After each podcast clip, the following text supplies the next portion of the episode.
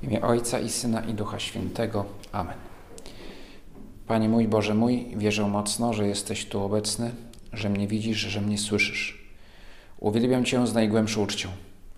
Proszę Ciebie o przebaczenie moich grzechów i o łaskę owocnego przeżycia tego czasu modlitwy. Matko moja niepokalana, święty Józefie, Ojcze i Panie mój, Aniele stróżu mój, wstawcie się za mną. Zbliżała się pora Paschy żydowskiej i Jezus przybył do Jerozolimy. W świątyni zastał siedzących za stołem bankierów oraz tych, którzy sprzedawali woły, baranki i gołębie. Wówczas sporządził sobie biczy ze sznurków, powypędzał wszystkich ze świątyni, także baranki i woły, porozrzucał monety bankierów, a stoły powywracał. Do tych zaś, co sprzedawali gołębie, rzekł: Zabierzcie to stąd i z domu mego ojca nie róbcie targowiska. Uczniowie jego przypomnieli sobie, że napisano: Gorliwość o dom twój pochłania mnie. Gorliwość o dom twój pochłania mnie, pożera mnie w innym tłumaczeniu. Świątynia jerozolimska była domem Bożym, to znaczy miejscem, gdzie obecność Boga była szczególnie odczuwalna. Była jedyną świątynią. Żydzi nie mieli innej. Nie mieli, bo Bóg zechciał, aby właśnie swoją, aby Jego obecność była odczuwalna w szczególny sposób właśnie w tym, a nie innym miejscu. Tym jednym, jedynym miejscu. Więc świątynia jerozolimska była czymś, miejscem naprawdę wyjątkowym. Bardziej niż dla nas Kościół, chociaż, chociaż dobrze, żeby dla nas każdy Kościół czy każda kaplica była takim miejscem. No ale siłą rzeczy jest ich wiele, a tutaj tylko jedna świątynia, jedno miejsce, gdzie składano ofiary. I również dla Pana Jezusa było to miejsce wyjątkowe. Wydawałoby się, że dla Niego, dla Syna Bożego, to nie powinno mieć większego znaczenia, gdzie spotyka swego Ojca Boga. A jednak potrzebuje czasu i miejsca na spotkanie. Potrzebuje czasu i miejsca szczególnego, bo, bo jest prawdziwym człowiekiem. Przyjął ludzką naturę i żyje według tej natury, a człowiek potrzebuje szczególnego miejsca i czasu na spotkanie z Bogiem, i to się nazywa modlitwa. Niezależnie od tego, że dobrze, abyśmy starali się nieustannie żyć w obecności Bożej, niezależnie od tego, że często spontanicznie chcemy się do Niego zwracać, to potrzebujemy takiego czasu szczególnego, aby, aby go poświęcić Panu Bogu i potrzebujemy, i dobrze, aby, aby modlitwa, która jest tym czasem dla Boga, odbywała się w warunkach, w okolicznościach jak najlepszych, w miejscu jak najlepszym. Pan Jezus modli się często w samotności, na górze, na pustkowiu, aby mieć ciszę, aby mieć skupienie, ale szczególnie ceni sobie świątynię. Pierwsze opisane przez ewangelistów wydarzenie z, z, życia Pana Jezusa, ze świadomego życia Pana Jezusa, kiedy Pan Jezus już używa rozumu, jest już dorastającym młodzieńcem, to jest właśnie to, to, to tajemnicze zaginięcie, jego zaginięcie w świątyni. Nie, nie, oddalił się od swoich rodziców i, i został w świątyni u swojego Ojca Boga. To jest bardzo znamienne, że właśnie pierwsze wydarzenie, w którym Pan Jezus jest aktywnym bohaterem, jest związane ze świątynią i z byciem ze swoim Ojcem Bogiem. Panie Boże, czy i mnie pożera gorliwość o Twój dom? Pierwszy, pierwszym takim przejawem gorliwości to być w tym domu, po prostu być w nim. Być w nim jak najczęściej.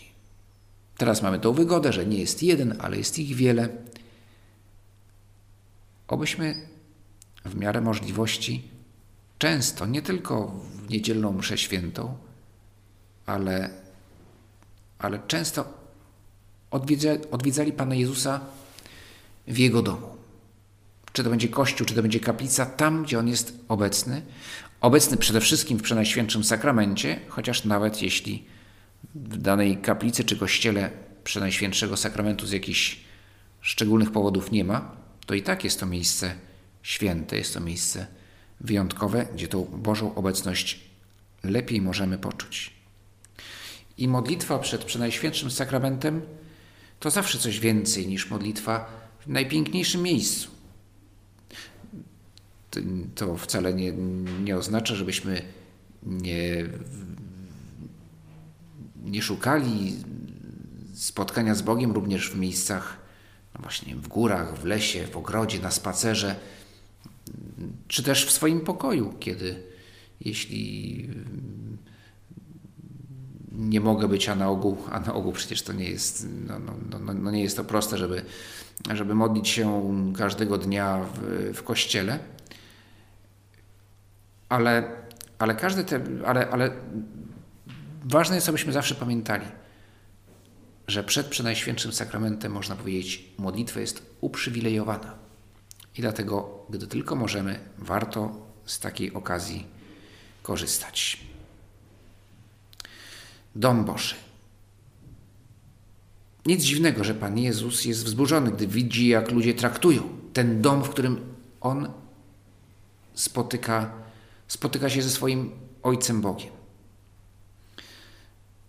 Wyobraź sobie, że ktoś przychodzi do Twojego domu w gości, ale zamiast siąść z Tobą przy kawie, porozmawiać, to wchodzi do salonu albo jeszcze do Twojej sypialni, kładzie się w zabłoconych butach na kanapie, wyjmuje telefon i zaczyna gadać i, nie wiem, swoje biznesy załatwiać, w ogóle nie zwracając na Ciebie uwagi. No, byłoby to bardzo takie wręcz obraźliwe.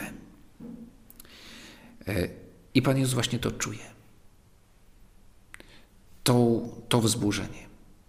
No, dom Jego Ojca to jest Jego dom. Więc, więc jest wzburzony, widząc ludzi, którzy w tym domu przyszli w innym celu, niż żeby się spotkać z Bogiem. Oczywiście ten handel na dziedzińcu świątyni to nie jest tak, że po prostu jacyś spryciarze znaleźli sobie dobre miejsce do tego, żeby sprzedawać swoje produkty e, lub prowadzić e, działalność bankową.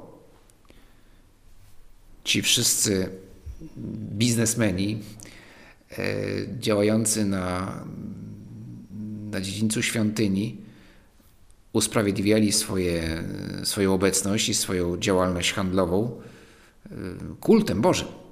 Bo przecież baranki, woły no, były sprzedawane tam jako zwierzęta na ofiarę.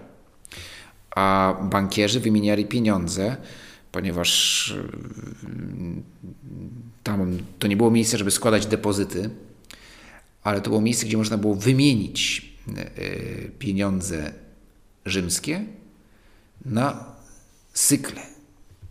To były monety, które, na których nie było wizerunku Cezara i dość podatek świątynny y, można było płacić tylko właśnie w tych owych syklach y, czy innych monetach, ale takich, które, na których nie, ma, nie było wizerunku kogoś, kto uzurpował sobie prawo bycia Bogiem. To, czy, czy, czyli Cezar. Więc to wszystko było, oni to tak usprawiedliwiali, no ale faktem jest, że robili po prostu dobry interes, naprawdę dobry interes. Zresztą niewykluczone, że i władze świątynne też miały udział w tym interesie i też tam swoje lody kręciły. Także mm, no, sytuacja była, na pewno kult Boży zszedł na drugi plan.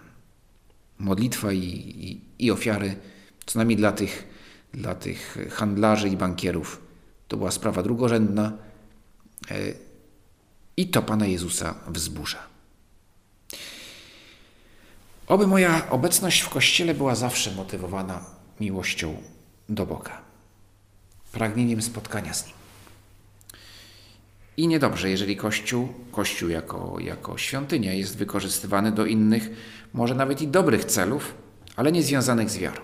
To od razu się nasuwa skojarzenie, no właśnie politycy wykorzystują przestrzeń sakralną do swojej działalności, no ale takich sytuacji jest y, więcej. No, bywa na przykład, że w kościołach są organizowane koncerty, bo kościół ma dobrą akustykę, bo są tam piękne i, i w, jak, w, jakimś, w jakiejś świątyni są, są dobrej klasy organy, no więc organizujemy koncert. Jeśli jest to koncert muzyki sakralnej, no to w porządku, może być, tak? No bo pasuje ta muzyka do. Muzyka sakralna zawsze jest w jakiś sposób, co najmniej może być okazją do modlitwy. No ale jeśli, no to na szczęście się często nie zdarza, ale bywa, że, no, że ten koncert właściwie to trudno powiedzieć, ma wspólnego z Kościołem, poza tym, że, że no jest udostępniona przestrzeń. Ale powiedzmy, nie są to nasze problemy, no może księdza w jakiś sposób tak, chociaż ja też nie mam raczej do czynienia z takimi, nie mam tam, takich wyzwań. No, dla Was to nie jest, e, to nie jest jakiś e, Wasz problem życiowy, tak? Udostępnianie przestrzeni Kościoła dla, mm, do, do innych działalności niż, e, niż kult Boży. Ale tak sobie pomyślałem o jednej sytuacji, która jest udziałem każdego z nas. Zwiedzanie. Zwiedzanie kościołów, które są zabytkami. Znowu, czy to w ogóle wypada? No, oczywiście nie ma w tym nic złego, wręcz przeciwnie. Poznanie kultury, kontemplowanie piękna, piękna sztuki sakralnej jest rzeczą dobrą.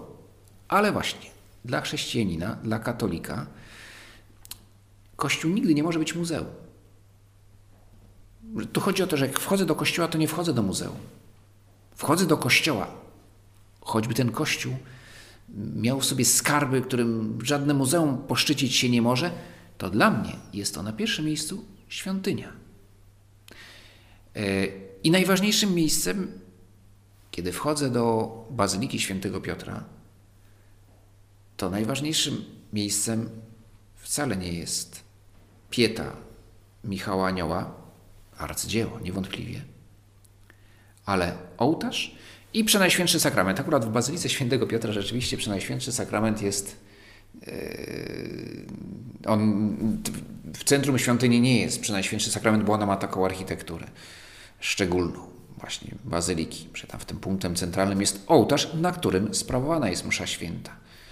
Natomiast jest przepiękna boczna kaplica, gdzie Przenajświętszy Sakrament jest zachowany i, i nieustannie adorowany. I właśnie jest dobrym, e, można powiedzieć, no, instynktem, że zanim obejrzę Pietę, jeśli jestem tam po raz pierwszy, zanim będę podziwiał architekturę, e, to, to najpierw udać się tam, do, do, przed Przenajświętszy Sakrament. Dobrze, a więc, a więc żeby, żeby zawsze nasza wizyta w kościele no, była, była, żeby miał świadomość, to jest dom Boży. Ja się tutaj zawsze chcę spotkać z Bogiem. W odpowiedzi zaś na to Żydzi rzekli do niego: Jakim znakiem wykażesz się wobec nas, skoro takie rzeczy czynisz? Jezus dał im taką odpowiedź: Zbóżcie tę świątynię a ja w trzy dni wzniosę ją na nowo. Powiedzieli do niego Żydzi. Czterdzieści sześć lat budowano tę świątynię, a ty ją wzniesiesz w przeciągu trzech dni? On zaś mówił o świątyni swego ciała. Gdy zmartwychwstał, przypomnieli sobie uczniowie Jego, że to powiedział i uwierzyli Pismu i Słowu, które wyrzekł Jezus. Świątynia jerozolimska nie istnieje, został z niej tylko, no, zostały jej fragmenty, ściana płaczu, która dla, dla Żydów ma szczególne znaczenie, jako właśnie wspomnienie tamtej, tamtej świątyni, której już nie ma. Tą świątynię materialnie zastąpiły, zastąpiło tysiące kościołów i kaplic. Ale nie tylko to. Nie tylko budynki, o których, no właśnie tak jak do tej pory no, rozważaliśmy, mają wielkie znaczenie dla naszej wiary jako przestrzeń święta. Ale nie tylko budynki. Ty, Panie Jezu, mówisz o sobie, o swoim ciele, że ono jest świątynią. A przecież my jesteśmy z Tobą złączeni. Ty uczyniłeś nas przybranymi dziećmi Bożymi. Ty nas włączyłeś w siebie. Kościół, czym jest Kościół? W tym najgłębszym znaczeniu. Jest mistycznym ciałem Pana Jezusa. Znaczy, my w jakiś sposób jednoczymy się z Jego naturą ludzką, z Jego, jesteśmy częścią Jego ciała. E, I stąd to porównanie Kościoła do, do ludzkiego ciała. Tym samym my też, nasze ciała też są świątynią. I to nie jest żadna jakaś tutaj mm, taki zgrabny, pociągający mm, łomot, tylko to jest prawda, e, prawda wiary, że my duszą i ciałem jesteśmy świątynią. Co więcej, właśnie na, jest tu podkreślone, że również nasze ciała są świątynią.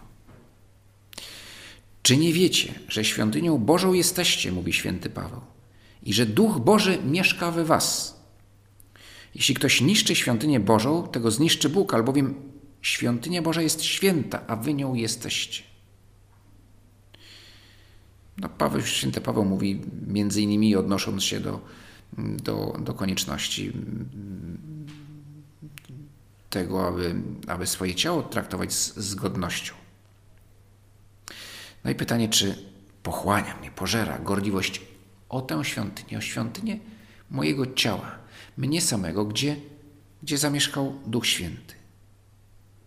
Owszem, niektórych pożera, pochłania gorliwość o, o swoje ciało no w sposób taki, że, że wcale nie chcemy brać z, brać z nich przykładu.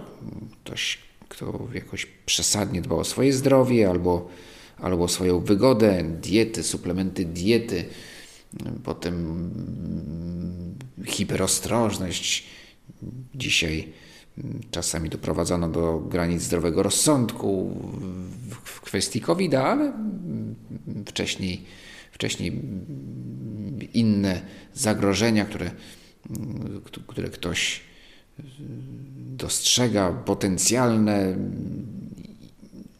być może odległe, ale strasznie się boi o siebie, o swoje zdrowie. Kiedy to przekracza granicę rozsądku, no staje się dla człowieka niszczące.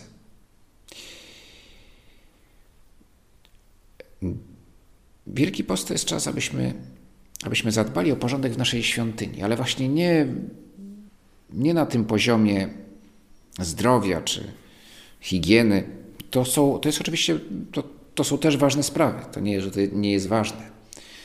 Ale, ale pomyślmy o,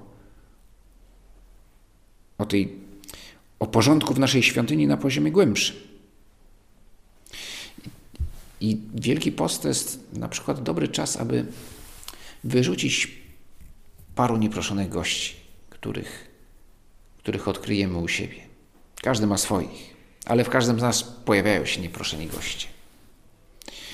E, nasi są nieproszeni, to po prostu nie są gośćmi, tylko najeźdźcami. A może najpierw byli gośćmi, ale się tak rozbestwili, że już, już, już, już dziękuję, że proszę już stąd wyjść bo się, bo się nie zachowujecie właściwie. To oczywiście nie chodzi o ludzi, tylko chodzi o nasze wady, nasze nałogi, przyzwyczajenia. No właśnie takim gościem, który może początkowo był, był zaproszony przeze mnie, ale potem okazał się y, intruzem natrętnym, no może być jakieś przyzwyczajenie. Na początku niegroźne, ale które zamieniło się z przyzwyczajenia, zamieniło się w nauk coś, co mnie blokuje, co, mnie, co więcej, co mnie, co mnie, co mnie prowadzi do, do grzechu. Nie chodzi tylko o nałogi, taki w tym ścisłym znaczeniu medycznym, ale bardziej w, w znaczeniu moralnym. Z nałogi może być jakieś przywiązanie do jakiejś czynności, do czegoś, co, co gdy będzie przywiązaniem zbyt mocnym, zaczyna mnie psuć, zaczyna mi prze, przeszkadzać w, w modlitwie czy w relacjach z moimi bliźnimi. Tak więc nałogiem może stać się na przykład słuchanie muzyki klasycznej. Cóż piękniejszego i szlachetniejszego niż słuchanie muzyki klasycznej. I niewątpliwie, ale jeżeli yy, koncert yy, Bacha jest dla mnie ważniejszy niż, yy, niż rozmowa z członkami rodziny i kiedy mi chcą przerwać ten, te, te mistyczne chwile trwające na przykład już trzecią godzinę, i ktoś chce mnie zapytać, przepraszam, czy byłbyś tak dobry i nie wiem, i, i, zrobił zakupy, a mnie to denerwuje i, i, i niegrzecznie odpowiadam, że teraz mam coś ważniejszego na głowie, to w tym momencie coś, co samo w sobie jest dobre, właśnie zainteresowanie, słuchanie, kontemplowanie dzieła sztuki, no staje, się, staje się nałogiem.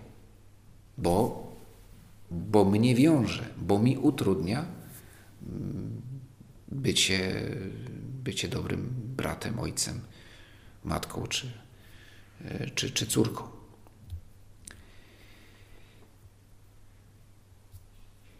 Więc teraz jest czas, żeby no może właśnie po pierwsze zastanowić się, kogo wpuszczam do domu, bo może być pierwsza rzecz, żeby w ogóle mm, przestać wpuszczać jakich gości intruzów, co mi tutaj naniosą błota i jeszcze, jeszcze obrabują, obrabują, uciekną, jeszcze mnie tam znieważą.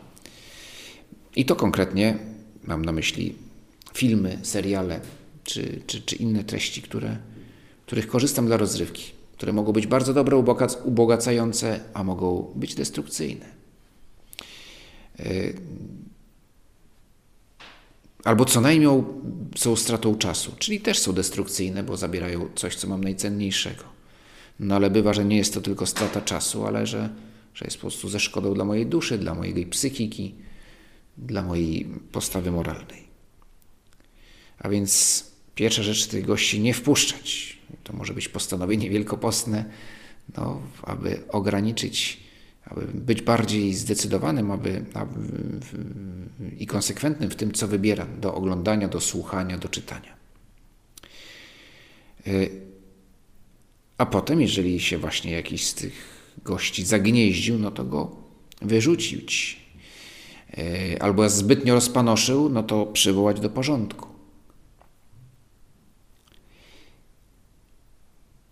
I to jest, myślę, no, pierwsza z tego powodu czytamy właśnie tą, tą historię w trzecią niedzielę Wielkiego Postu o oczyszczeniu świątyni. Też na pierwszym miejscu, abyśmy to odnieśli do, do nas samych, do świątyni naszego ciała i szerzej do świątyni nas samych. Ale jeśli mówimy już konkretnie o ciele, to też może jest, szczególnie teraz, dobrze sobie uświadomić, że to jest świątynia, o którą dbam, dbając o zdrowie, o higienę, o elegancję, tak. I do jakichś granic, w granicach zdrowego rozsądku, to jest, to jest nie tylko dopuszczalne, ale to, to jest bardzo właściwe, bardzo odpowiednie, abym szanował swoje ciało, kochał swoje ciało, dbając o nie.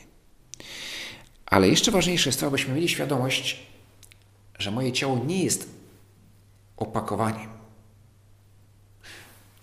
Nawet określenie moje ciało, teraz często używane w kontekście właśnie tych e, e, sporu o, o aborcję, moje ciało, moja sprawa. W ogóle określenie moje ciało, trzeba być tutaj ostrożnym, no, potocznie możemy go, go używać, no to yy, nic w tym złego, ale ściśle rzecz biorąc, moje ciało to jestem ja. Więc mówienie, że traktuję jako mojej własności. Nie, nie, moje ciało to nie jest moja własność. To jestem ja. Ja sam. I podobnie w odniesieniu do ciała drugiego człowieka. To nie jest ciało drugiego człowieka, to jest drugi człowiek. Dlatego tak ważna jest cnota czystości, bo cnota czystości chroni, między innymi chroni tę prawdę, że ciało człowieka to jest człowiek, bo, ciało, bo człowiek to dusza i ciało. W związku z tym, jeśli instrumentalnie traktuje ciało drugiego człowieka, to znaczy, że instrumentalnie traktuje drugiego człowieka. A to już jest rzecz bardzo niegodziwa.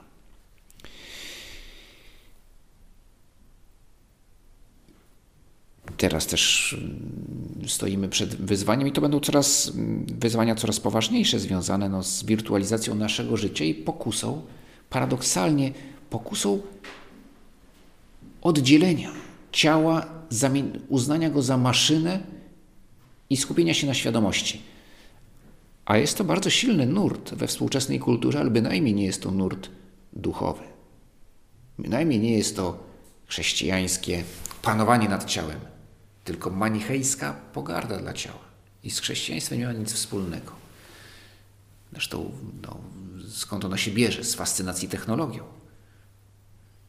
Że właśnie moje ciało, a ono jest, choruje, nie, nie akceptuję go, nie podoba mi się, ale technologia może sprawić i może kiedyś sprawi, że w ogóle ciała przestaną być istotne, będzie tylko awatar, będzie ja to będę, to będzie wykreowana przeze mnie jakaś figura, jakaś postać e, w formie pikseli, a mojego, moje ciało gdzieś zupełnie zniknie będzie nieistotne, bo będziemy się komunikować tylko za pomocą tych awatarów.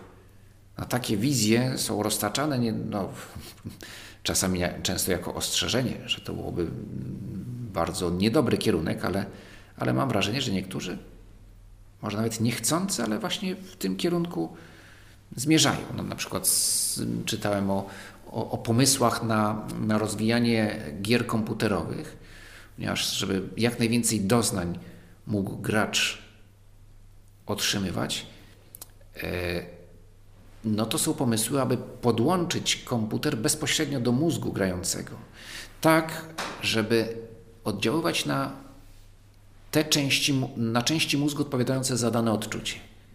I tym samym w czasie gry ktoś będzie odczuwał ból, przyjemność, zapach yy, i inne elementy zmysłowe, których, no, których nie da się przekazać yy, tradycyjnymi metodami. No i to jest ukazywane jako, no, że to, ale będą wtedy wspaniałe, wspaniała rozrywka. To, to bardzo niebezpieczna droga jest. Y, oczywiście to ostatecznie człowiek nigdy nie przestanie być duszą i ciałem, bo po prostu tak nas Pan Bóg skonstruował, tylko że jeżeli my tutaj zaczynamy majstrować, no to efekty będą zawsze, zawsze dla człowieka niedobre. I paradoksalnie, paradoksalnie właśnie teraz chrześcijaństwo staje w obronie ludzkiego ciała, godności ludzkiego ciała. Znaczy zawsze tak było, ale, ale teraz jeszcze bardziej. Wobec tych roszczeń uczynienia z ludzkiego ciała tylko jakiegoś yy, nie wiem wyłącznie wehikułu naszej świadomości, który można w przyszłości zastąpić maszyną i wtedy już zostaje tylko świadomość. Nie, to te, te chore wizje po pierwsze, czy one się nie, nie, nie, nie spełnią, ale, ale przede wszystkim są chore, to znaczy są błędne, bo nasze, moje ciało to jestem ja i dlatego kocham moje ciało. Dbam o nie, ale przede wszystkim wiem, że to jestem część mnie samego. Więc na pierwszym miejscu dbam o to, aby, aby, aby w nim, był w nim porządek moralny. I Pan Jezus pomoże nam w oczyszczeniu. Pomoże nam w sakramencie pokuty, który nie jest jakimś wejściem gwałtownym, prawda? Pan Jezus, Pan Jezus, który chodzi i biczem wygania wszystkich. Proszę zwrócić uwagę, że tutaj Pan Jezus jakby widać wyraźnie hamuje swój gniew, wyraża go, bo musi go wyrazić, bo inaczej się tego towarzystwa stamtąd nie pozbędzie, ale ale nawet tutaj jest powściągliwy. Znaczy do minimum, do minimum objawia swój, e, swój gniew. I na przykład sprzedawców gołębi nie rozwala im klatek i nie wypuszcza tych gołębi, ponieważ nie chce, żeby ci ludzie stracili. Chce tylko, żeby się stąd wynieśli, żeby nie byli w tym miejscu. W sakramencie spowiedzi Pan Jezus nas oczyszcza razem z nami, albo raczej On nas oczyszcza, ale z naszym udziałem, ale nie w sposób brutalny, gwałtowny. Zdecydowany to tak, ale z miłością. I obyśmy dobrze umieli korzystać z, tego, z tej Jego pomocy, szczególnie teraz, w Wielkim Poście. Dzięki Ci składam, Boże mój, za te dobre postanowienia, uczucia i natchnienia, którymi mnie obdarzyłeś podczas tych rozważań. Proszę Cię o pomoc w ich urzeczywistnieniu. Matko moja niepokalana, święty Józefie Ojcze i Panie mój, Aniele Stróżu mój, wstawcie się za mną.